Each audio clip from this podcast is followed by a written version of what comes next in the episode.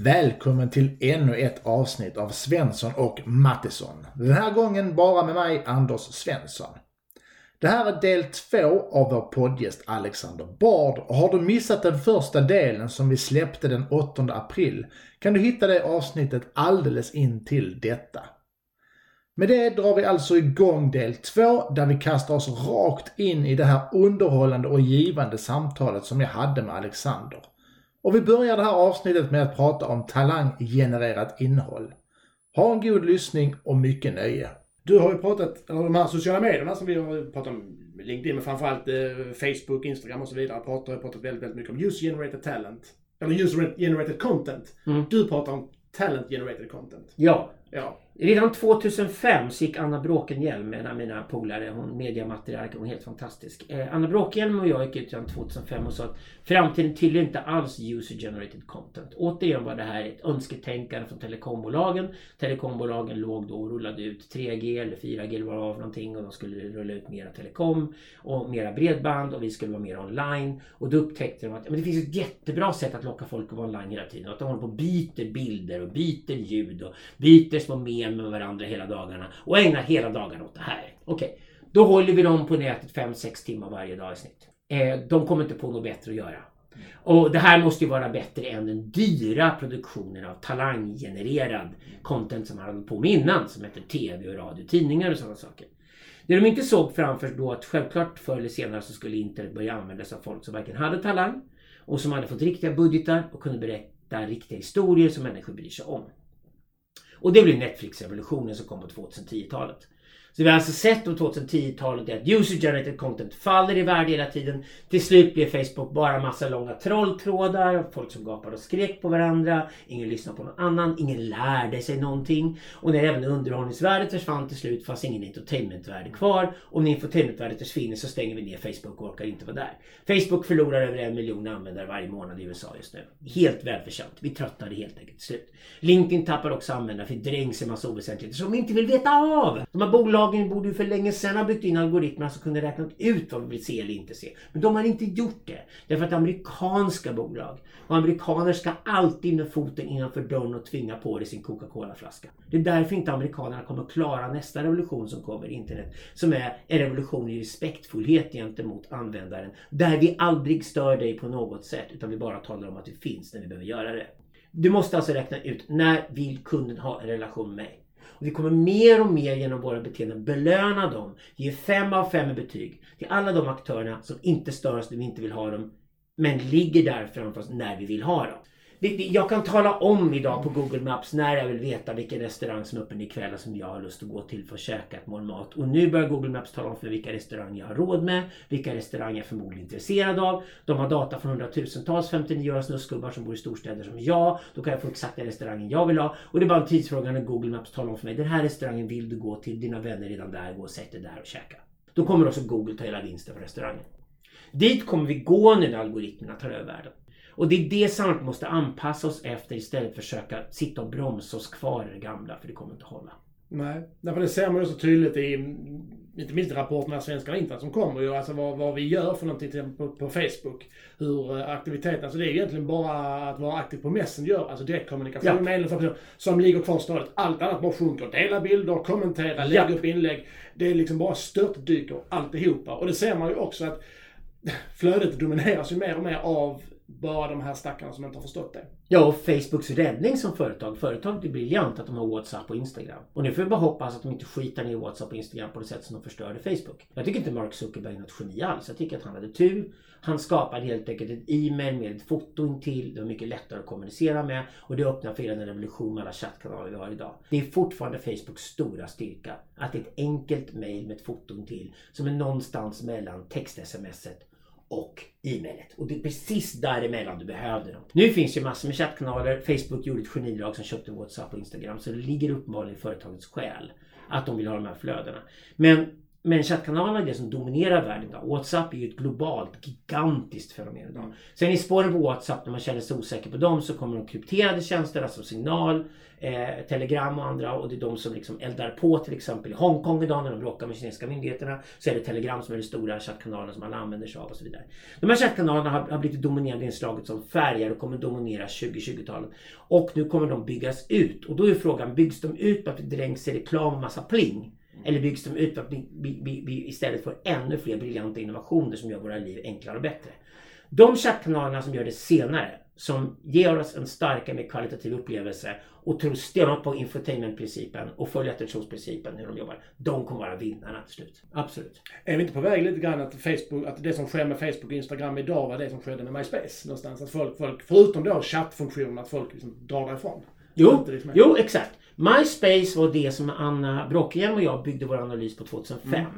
När vi så hade skrivit ett paper redan 2003. Jag trodde MySpace var dödsdömt för jag såg det bara som en stor ponzi-scheme som det heter på engelska. Pyramidspel helt enkelt. Och såg att det här kommer aldrig hålla längre. Jag visste ju det från musikbranschen också. Att all musik som lades upp på MySpace var den skiten som vi på skivbolagen slängt i våra papperskorgar för att folk skulle slippa höra den. Så redan då förstod jag att det viktigaste värdet på internet kommer inte vara att skapa nya grejer. Det viktigaste värdet kommer vara att sortera åt folk och ta bort allt skräp. Det kommer vara det stora värdet. Det är vad algoritmen också gör i vår tid. Och det betyder att det fortfarande är övertro på att människors reproduktion och härmande av varandra, att bebis och kattbilder fortfarande ska vara intressanta. Det är de inte längre. Och sakta men säkert tröttnar vi. Och då kommer de stora makrotrenderna över tiden. Att vi tröttnar på det som vi känner en känsla av att nej, nu har jag sett det här. Det här är inget nytt längre. Det här lär mig ingenting. Det här roar mig inte. Vänta nu, mina vänner är inte ens kvar här. Vad är det då för förlorare som är kvar i den här kanalen? Nej, jag drar. Okej. Och så sticker vi därifrån och bara trollen är kvar. Eh, och det kommer vi göra igen. Och jag skulle säga att det kommer vara Instagrams problem. De kommer pika. Instagrams möjlighet att överleva är att det är ett starkt bildmedium och det betyder att de konstnärer, fotografer och begåvade förebilder dominerar Instagram. Då kommer de ta över och äga mer. Och idag har de mer makt än vad andra användare har. Det var kanske där Instagram också var smartare än Facebook. Att de för ett par år sedan bestämde sig för att ja, men de som redan har många följare ska vi premiera. Vi ska lita mer på dem. Och det är, då skapar någonting som beskrev Meritokrata för 20 år sedan. Du skapar en nätverkspyramid. Du skapar alltså en klassstruktur. Du säger till vissa människor, du har 200 000 följare, du tillhör överklassen. Oj, du har bara 30 följare. Tyvärr, du tillhör underklassen. Du får gärna följa överklassen, men du kommer inte bli lyssnad på. Därför att du har inte lyckats skapa det momentet som krävs för att du ska vara värd att lyssna på. Och vi har inte tid att ge alla plats på arenan. Vi kan bara ge scenen till en elit. Och så är vi alltså på väg mot ett samhälle där vi återfår att det är en elit som står på scenen och att massan sitter på åskådarplatsen igen. Vi kunde inte ha något annat i längden heller. Allting annat var en slags önskedröm som inte gick att infria. Och vi kommer landa där igen med att det är några få aktörer vi följer. Och de intressantaste idag som är de nya makthavarna, det är YouTubers.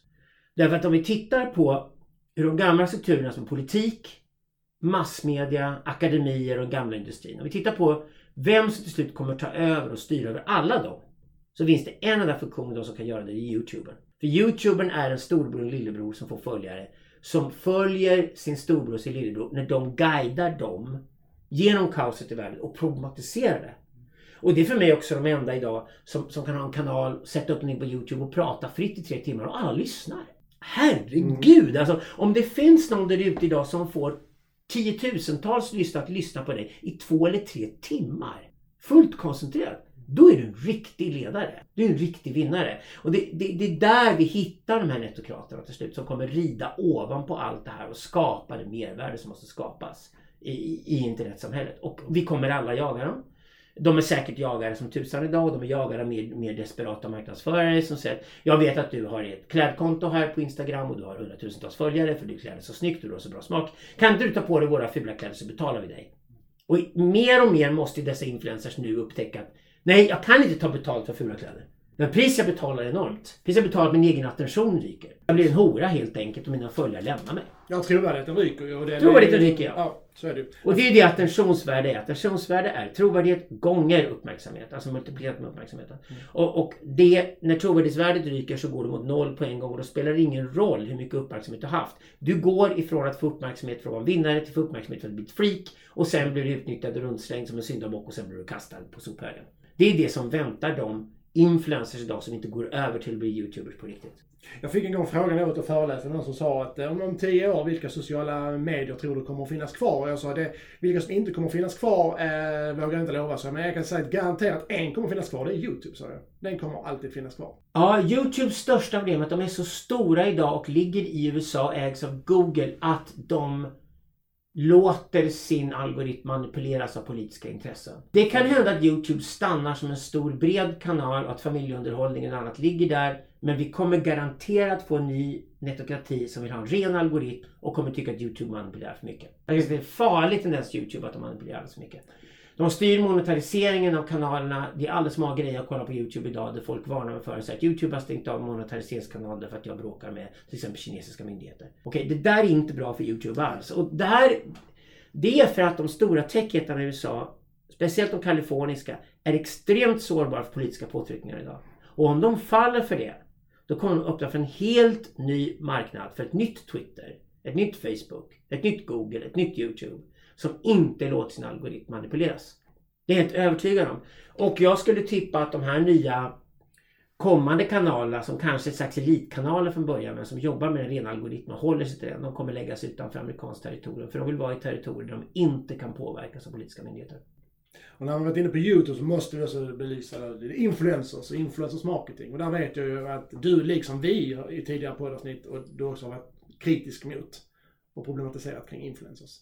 Det är för att influencers jobbar alldeles för mycket efter det gamla paradigmet. De är unga, framgångsrika och sen kommer det marknadsförare springande efter dem och säger du ska ta betalt för allting du gör eh, och, och, du ska göra reklam på din kanal och så börjar de göra reklam och smyger sig reklamen i budskapet istället. Och det finns ju en väldigt enkel grej med oss. Vi känner på oss som någon horar, vi känner på oss som någon är ärlig. Och vi börjar sakta men säkert tycka att nej, det här blir er och konstigt det budskapet. Det här känns väldigt, väldigt konstruerat. Ah, det är någon som får betalt för att säga det här.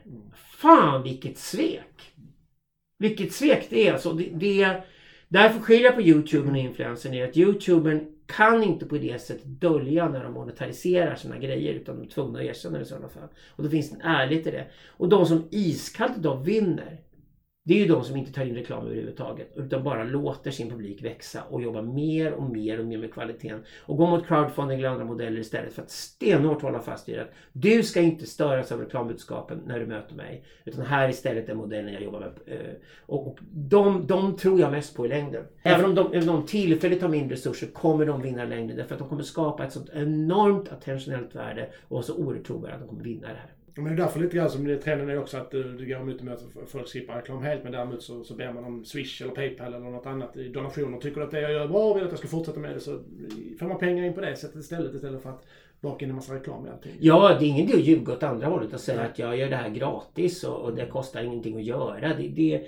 det fattar användarna. Alla användare fattar att gå åt resurser. Det tar tid för den som ska producera någonting och måste ha redaktioner bakom sig. Och det talent generated content, då kostar det väldigt mycket. Därför betalar jag för Netflix och HBO idag. Och sen är ju frågan om Netflix, och HBO och de här andra stora kanalerna som vi betalar ganska mycket pengar för idag som har vuxit enormt mycket. Om de fortsätter också palla att låta algoritmen vara ren och göra de bästa tv-serierna i världen. Eller om de också kommer falla politiska påtryckningar och politisera sina budskap och, och göra det politiskt korrekta istället för att göra det vi längtar efter att höra. Eh, eller låter sig korrumperas av pengarna och istället bara dränka sina budskap med produktplaceringar som göms i budskapet.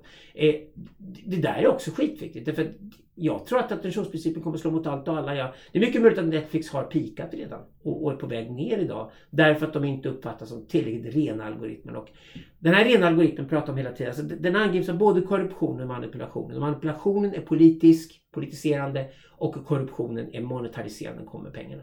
Du måste försöka hålla de krafterna så långt borta du kan från din verksamhet. Och gör du det, då kommer du också tillverka och göra den bästa möjliga kvaliteten i det du gör.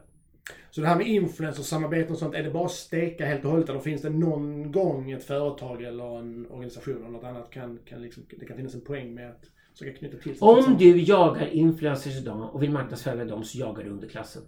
Mm. Så jag skulle råda i sådana fall att de jagar folk som går till Lidl för att de inte har råd att gå till ICA. Är det där du slåss om dina marginaler? Då är det influencers du jagar idag. Därför att det är helt enkelt så redan idag att de smarta användare internet, inte minst unga smarta användare, går inte på reklamen som influencers sprider. De har redan tröttnat på den, de har redan dragit därifrån. De har inte köpt produkterna som influencers promotar. Av den enkla att de produkterna är horprodukter i deras ögon. De vill de inte veta av dem. Det vill säga om, om de inte vet att det här är världens bästa produkt och att det är det som influencers bytt sin makt på. Att den här tjejen har skitbra smak i kläder. Hon är en skitbra stora syra för mig att följa. Därför följer jag henne. Och jag vill se ut som hon gör. Hon är min role model. Okej, jag vill inte ha den relationen mellan mig och stora syster korrumperad av att jag får reda på att hon tar på sig fula grejer som jag ska luras på mig. Så det handlar om att städa bort oärligheten i systemen överhuvudtaget och våga vara ärlig. Så att Bianca Ingrosso räknas som kanske vår största influencer idag, men du menar liksom att det, det kommer inte bestå? Hon kommer liksom utsättas för, för prövningar och avslöjas, eller? Ja, jag tolkar det. jag sitter inte i Bianca Ingrosso TV. Stor respekt för henne och jag vet varför hon är så karismatisk och det är för att hon är hela Sveriges stora syster. Ungefär som Pewdiepie, hela världens storebror. Alltså jag ser, jag ser den enorma kraften i henne och den enorma utstrålning hon har. Sen tar hon sina beslut om, hon gör sina affärer, det lägger inte jag mig i. Vi är kollegor och jobbar ihop. Och eh, alla med influencers, kan Isabella Löwengrip eller Lunde måste ta sina beslut om hur de gör sina affärer. Och sen får de sina bakslag och sen så kommer de göra sina nya framgångar och de kommer lära sig under resans gång. Jag är helt övertygad om det. För att har de talangen från början, alltså karisman från början, då kommer de förmodligen vara kvar i rampljuset. De är stjärnor helt enkelt. Men jag skulle idag inte, jag skulle idag ge varenda influencer jag möter rådet att försöka ha så mycket is i magen du bara kan. Håll monetariseringskraven så långt borta från det som möjligt. Testa alla crowdfunding-modeller och andra grejer du kan testa. Eller hitta filantropi till och med, det är det allra bästa du kan göra i sådana fall. För att behålla dina kanaler så icke manipulerade och icke korrumperade som möjligt. Eh, jag tolkade dig tidigare att du sa att du var kommunikatör idag. Det är ett framtidsyrke. Man behöver inte vara rädd för att det liksom kommer finnas brist på det, snarare tvärtom. Um, hur tycker du att kommunikatörerna i Sverige idag, vilken kvalitet håller de? Både liksom inom privat och offentlig sektor. Alltså de som sitter och jobbar åt, åt organisationer och så vidare. Jag, skulle ja, jag vet inte vem som hamnar under labeln kommunikatör i sådana fall. Jag vill ju separera den från marknadsförare till att börja med. Idag blandas de ihop ganska ja, mycket. De gör det ja, det är sällan jag blir liksom betagen av budskap jag ser och hör. Mm. Tycker att det här griper mig i alla fall. Och jag tycker väl snart budskapet idag är alldeles för rädda. Och fylls av för mycket klyschor. Och det märks att det ofta varit gruppmöten som ligger bakom. Och på gruppmötena kompromissar man och man tar bort allting som har udd och man vill inte att någon ska bli upprörd. Och, och, och, och, och vänta nu. Om du inte vill att någon ska bli upprörd i budskapet då kommer ingen heller bli rörd. Ingen kommer reagera överhuvudtaget. Det måste väcka känslor. Och Går du tillbaka till genom hela kommunikationshistorien och lär dig Sigmund Freud, du lär dig perceptionslära och sådana saker som du bör kunna. Du lär dig att det första människor ser i ett stort kommunikationsflöde, i ett kaos där de försöker skapa en ordning, är det de är ambivalenta inför. De ser inte alls det snälla budskapet. De ser inte alls det de vill gilla. De ser inte alls det de tycker är gulligt och snällt. Utan det första de ser i budskap som kastas på dem är det ambivalenta. Så att, att människor gillar en kattbild eller har gjort det på Facebook betyder inte att de tänker köpa en katt.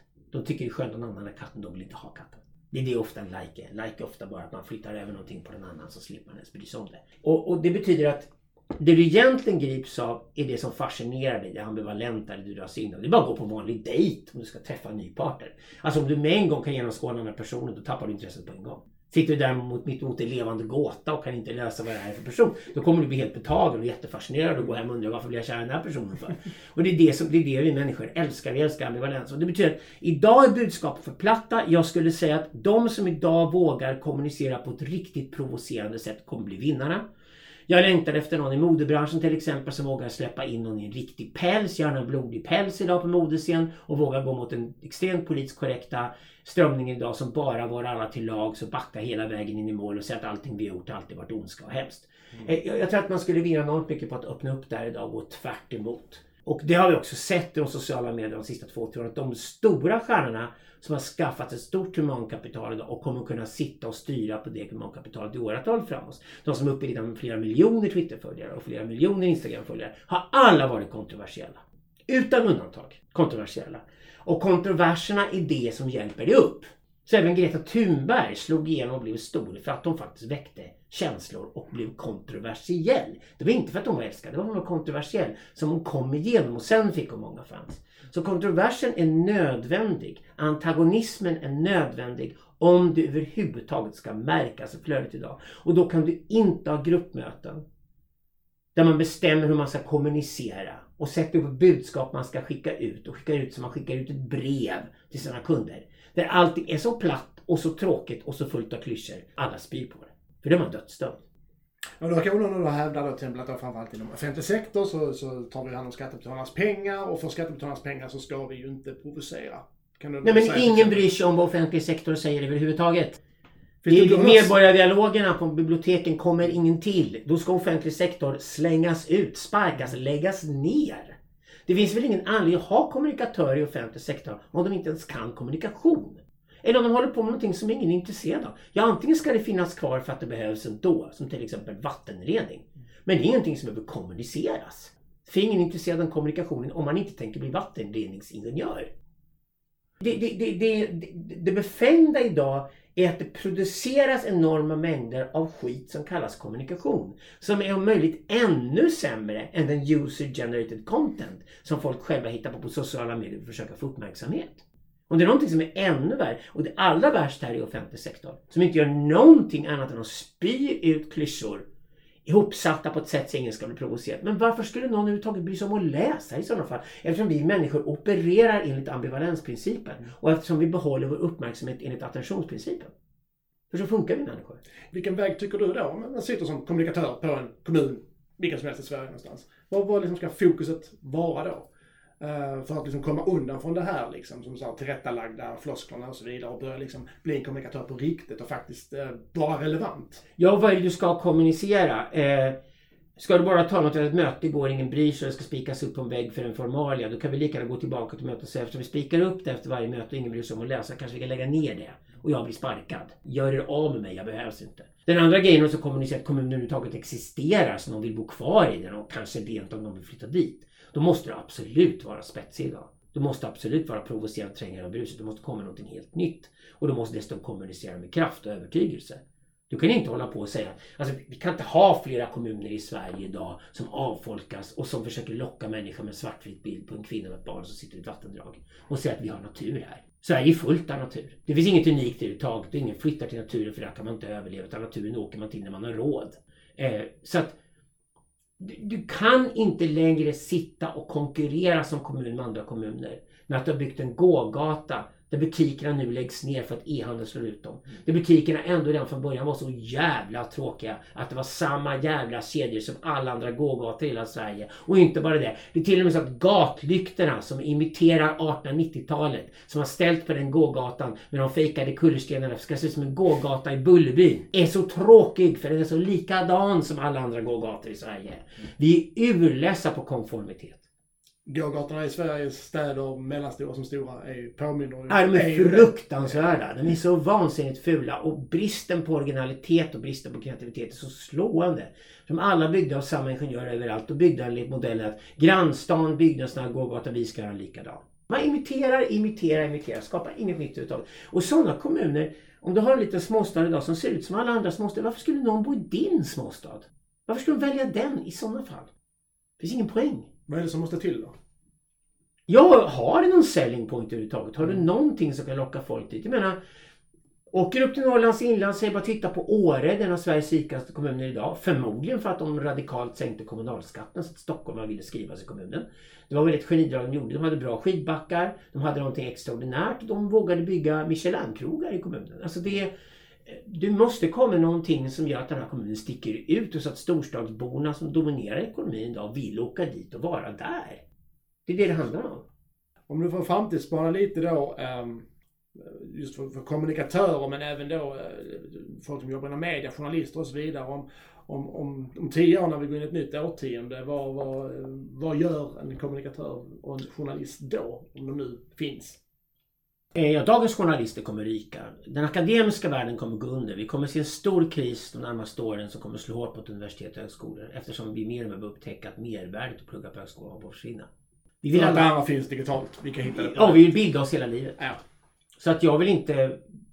Jag vill börja jobba tidigare och jag vill kunna bilda mig hela livet. Det, det, det. Och högskolorna bygger på att du ska hållas borta från arbetsmarknaden tills du är 30 år gammal och då ska du plötsligt belönas och sen ska du vandra med guldklockan som har försvunnit för länge, länge sedan. Så den modellen är stendöd. Eh, vi kommer lära oss allting online istället och vi lär oss det genom mer och mer interaktiva medier. Vi har bild och ljud omkring oss hela dagarna. Vi kan läsa en bok när vi vill. Eh, vi behöver inte längre hålla på med universitet och högskolor. Dessutom är det tomt på högskoleföreläsningarna om inte studenterna tvingas dit därför att de föreläsare studenterna kan kolla på internet är så mycket bättre. Där har de världens bästa föreläsare och tillgång till redan idag. Så det kommer gå fort. Då kommer du också se att tidningarna kommer dö.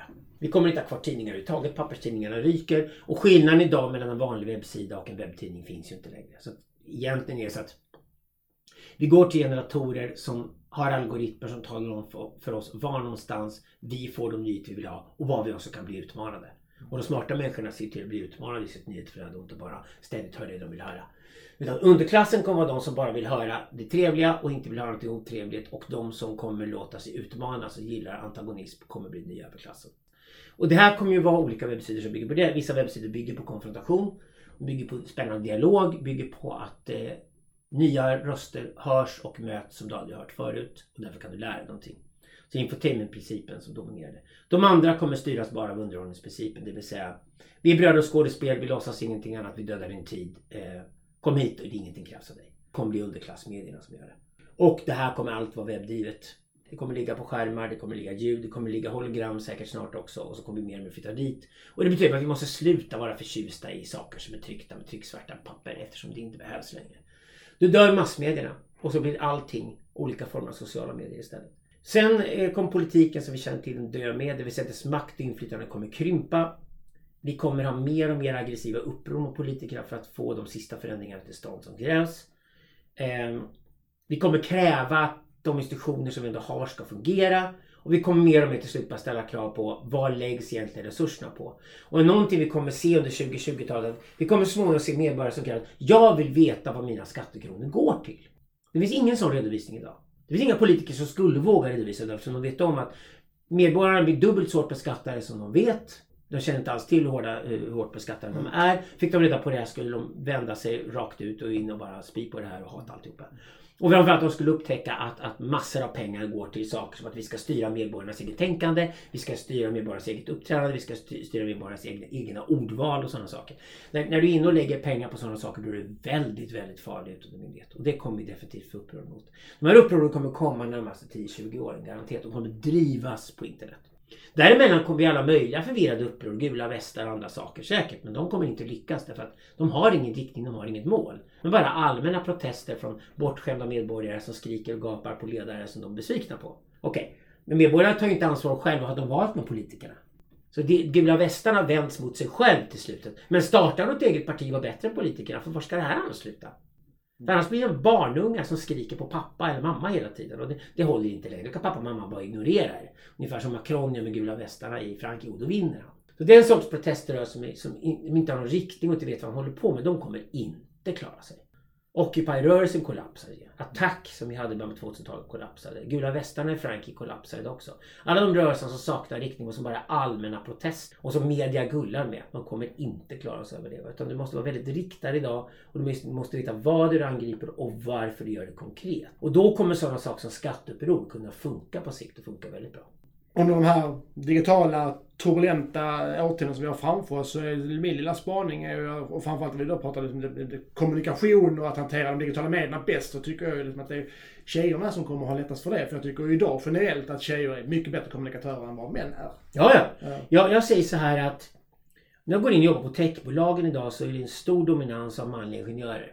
Och då säger jag till tjejerna så här, låt gärna killarna starta företaget för att 9 av 10 företag fallerar inom ett år. Så om killar nu är beredda på att ta större risker och har pluggat hårdare till ingenjörer så kan lika gärna majoriteten av företagare som i techvärlden få vara killar. Och säger till tjejerna så här, rikta in er på att kvinnlig talang historiskt sett har varit bra på projektledarskap och kommunikation.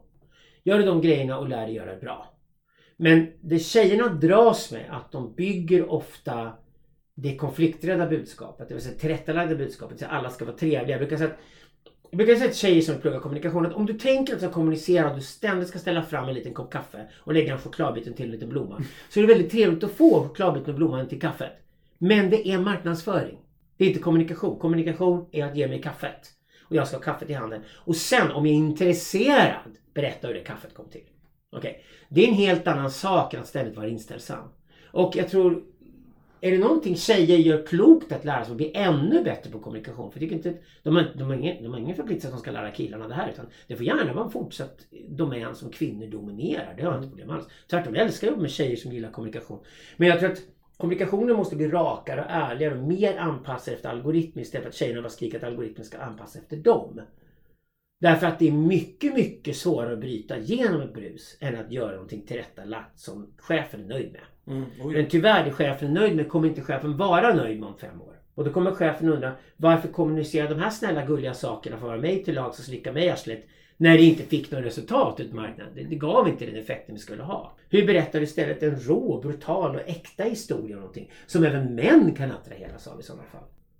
Är det är mycket, mycket svårare. Är män bättre där som kommunikatörer i att vara brutala och ärliga och äkta och genuina?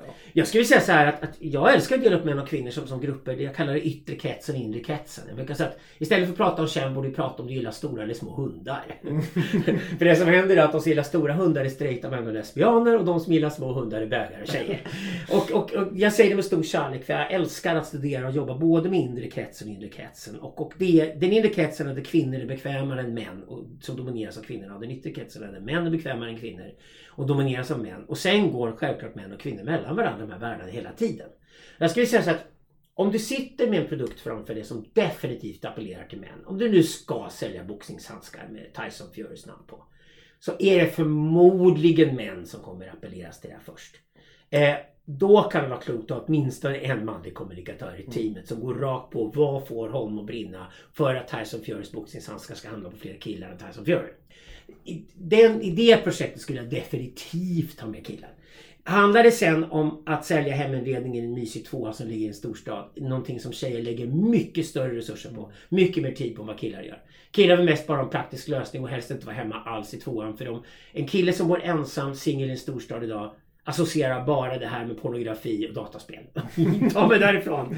Grabbgänget, fotbollsmatchen är bättre, träningslokalen är bättre och skulle jag kunna få till en dejt med en tjej på fredag så går det i himlen jämfört med att sitta här ensam. Det är så killarnas värld Medan tjejerna mycket mer klarar av det här nya singellivet i storstaden med ettan eller tvåan. De skaffar sig ett husdjur och tycker att jag kan få killar på Tinder när jag vill. Jag kan kontrollera min värld. Och de ser ofta tjejerna, tack vare smartphonen, så ser tjejerna naturligt de närmaste tre kvarteren runt lägenheten som sitt hem. Så det betyder att alla butikerna om tre kvarter, alla restauranger om tre kvarter, barnen om tre kvarter alltihopa är en domän som tjejen inkluderar i sin mycket mer fluid idé om vad ett hem är för någonting. Därför klarar tjejerna det urbana storstadslivet mycket bättre än, än vad killarna gör. Bögar klarar det också utmärkt faktiskt. De hänger ju ofta med tjejerna på de här ställena. Mm. Säga, mm. Gå på skobutikspremiär och observera så kommer du upptäcka att det är 15 tjejer och två bögar i rummet. Fatta vilka vinnare de är att de klarar av den här miljön så bra. För det är den miljön som idag är gränsmiljön mellan det urbana och det digitala. Mycket riktigt där kommer ni hitta majoriteten av kommunikatörer. Så majoriteten av kommunikatörer i framtiden kommer vara tjejer, det är helt övertygad om. Men jag tror att teamet där killar och tjejer jobbar ihop är väldigt bra när du går ut i en värld där killar och tjejer möts. Eh, däremot om en miljö domineras av tjejerna då ska du absolut låta tjejerna också diktera hur man kommunicerar framgångsrikast till dem. För det är de överlägsna på. Men ska du kommunicera till en miljö där männen dominerar så är det väldigt viktigt att manliga kommunikatörer finns med i rummet och, och kanske tar besluten om vilken taktik man väljer. Därför att du måste, måste ligga nära ditt eget hjärta om du ska lyckas med kommunikationen. Det här samtalet med Alexander Bard lider mot sitt slut. Eh, däremot så har vi en sista sak kvar att göra innan vi avslutar det här samtalet. Och det var att jag bad Alexander att utse den personen i Sverige som han tycker är bäst inom respektive område. Och det kan vara bästa kommunikatör i Sverige, bästa journalist i Sverige och så vidare. Så att här kommer det, varsågoda. Kommunikatör, vem är Sveriges bästa kommunikatör tycker du? Jag tycker det är poddlysande. Kasta tillbaka det på er. Så att uppenbarligen gör ni en hel del rätt. Jag, jag, jag skulle säga att den svår, frågan är svår därför att kommunikatören är idag så väldigt mycket ett interaktivt fenomen. Att det är så jäkla lätt att ge titeln Sveriges bästa kommunikatör till någon som sitter redan på ett företag idag som fattar situationen. Och då blir det förmodligen något framgångsrikt snabbväxande techföretag som får den rollen. Um, och det tror jag är, är, är lite, lite dumt att göra om jag ska vara helt ärlig. Jag, jag tycker att eh, För det finns så mycket gratis på techföretagen idag i alla fall. Om du sitter där och kommunikatören och de här gör allting rätt. De tänker det nya. De har redan listat ut hur den gamla marknaden såg ut. De har hittat den gamla marknadens svagaste punkt. Där också teknologi är det bästa svaret på den svaga punkten. Och så går de in där och gräver som tar de hela marknaden. Mm. För det är techföretagen gör idag. Så det finns så mycket gratis där. Så man ska ju egentligen vilja utnämna någon till kommunikatör som verkligen har en fullständigt omöjlig uppgift framför sig. Liksom, så här, och ska försöka komma runt den. Rent politiskt så är jag väldigt imponerad av Ebba Busch faktiskt. Och, mm. och Johan Ingre, hennes partisekreterare. Jag skulle påstå att Johan Ingre är en väldigt skicklig kommunikatör. Eh, därför att de har fattat att Ebbas stora värde, förutom hennes skärm, är att hon har byggt hela sin karriär i uppförsbacke. Och varför det finns en så stor, stor trovärdighet om Jimmy Åkesson och Ebba Busch idag i Sverige är för att de båda har byggt sina karriärer hela vägen i uppförsbacke fram till den position de befinner sig i idag. De är inte broilers, de har inte seglat med, de har inte fått allting klippt och klart för dem och de pratar heller inte klyschor när de öppnar käften. Så att det, det är jag skulle säga Johan Ingerö som partisekreterare i Kristdemokraterna är en vansinnigt skicklig kommunikatör i den moderna betydelsen att, att han sitter bakom henne och är en slags Richelieu och ger henne råden. Där hon till slut fattar besluten men där hon får jäkligt bra underlag för de beslut hon tar från Johan. Helt klart. Mm. Ja men Johan Ingerö då, Sveriges bästa kommunikatör. Mm. Sveriges bästa journalist?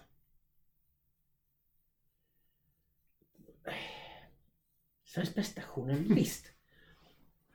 Då kan jag eftersom jag bråkat så mycket med Dagens Nyheter på sistone säga att jag tycker kolumnisten Lisa Magnusson är fantastisk. Lisa Magnusson. Det finns självklart skitbra folk på DN som sitter av olika anledningar för att det är en väldigt stor tidning med stora resurser. Annars är jag mest imponerad av Göteborgs-Postens ledarredaktion i Sverige. Adam Sveiman sitter där idag som redaktör. Jag tycker att Adam Sveiman är fullständigt briljant. Så jag skulle säga att Eh, idag är opinionsbildning så vansinnigt viktigt att jag skulle vilja göra två opinionsbildare till Sveriges bästa journalister. Som dessutom ger röst åt andra som kommer och berättar sina historier själva. Så är det inte journalisten som är ute där och, och, och berättar vad andra håller på med. Utan man ger röst åt folk som själva kan berätta. Och då ska jag sätta Adam Sveiman på Göteborgs-Posten och Lisa Magnusson på Dagens Nyheter gärna få dela på den tiden. Ja, grymt. Sveriges bästa politiker, är det då Ebba? För du har ju nämnt henne tidigare ja, nej jag ska säga, ta i och säga Sara Skyttedal som sitter i Bryssel idag som jag tycker är fantastiskt rolig. Hon har kryddan och alltihopa.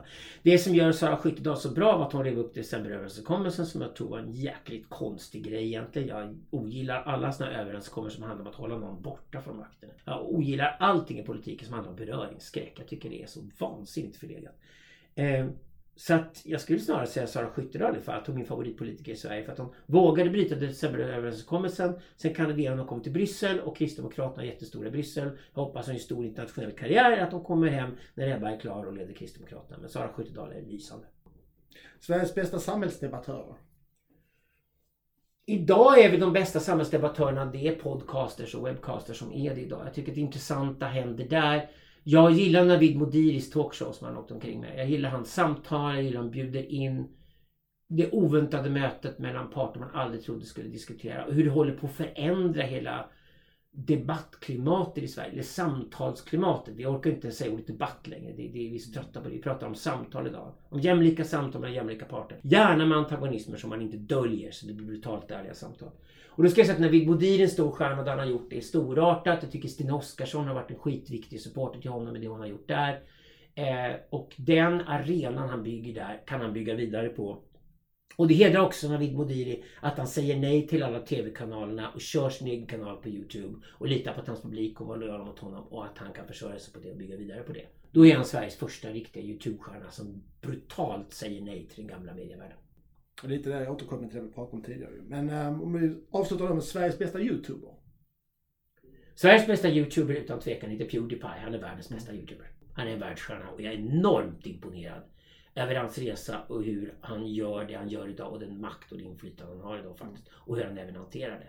Äh, jag, jag kan inte sluta titta på Pewdiepie. Jag, jag tycker att han är fantastisk och jag tycker att hans följare är, är storartade med. Och han har blivit förebilden som mitt team i alla fall tittar på idag. För att när mitt team idag, Peter Tauser och de kollar på till exempel vad som händer i Kina så kollar inte vi längre på CNN, BBC eller traditionella nyhetskanaler överhuvudtaget. Utan vi går direkt till Youtubers som sänder från Taiwan och sen kollar vi på vad de rapporterar inifrån Kina och de kan sitta 5-6 timmar och ge oss ett helt annat underlag för våra studier än vi någonsin skulle få via traditionella nyhetskanaler. Eh, jag ska lägga till där också att på det sättet är Magda Gad definitivt en journalist som borde nämnas eftersom hon bor i Afghanistan och rapporterar från krigszonerna i Mellanöstern. Och hon är egentligen den gamla klassiska krigsjournalisten korrespondenter som fortfarande är kvar på plats. Medan alla andra korrespondenterna sitter hemma och bara återberättar vad andra säger. Och det är inte så du berättar den autentiska berättelsen. Du måste ha plats för att kunna göra det. Så jag skulle säga att vi använder i vårt team idag Youtubers för det är absolut den bästa informationskällan vi kan få.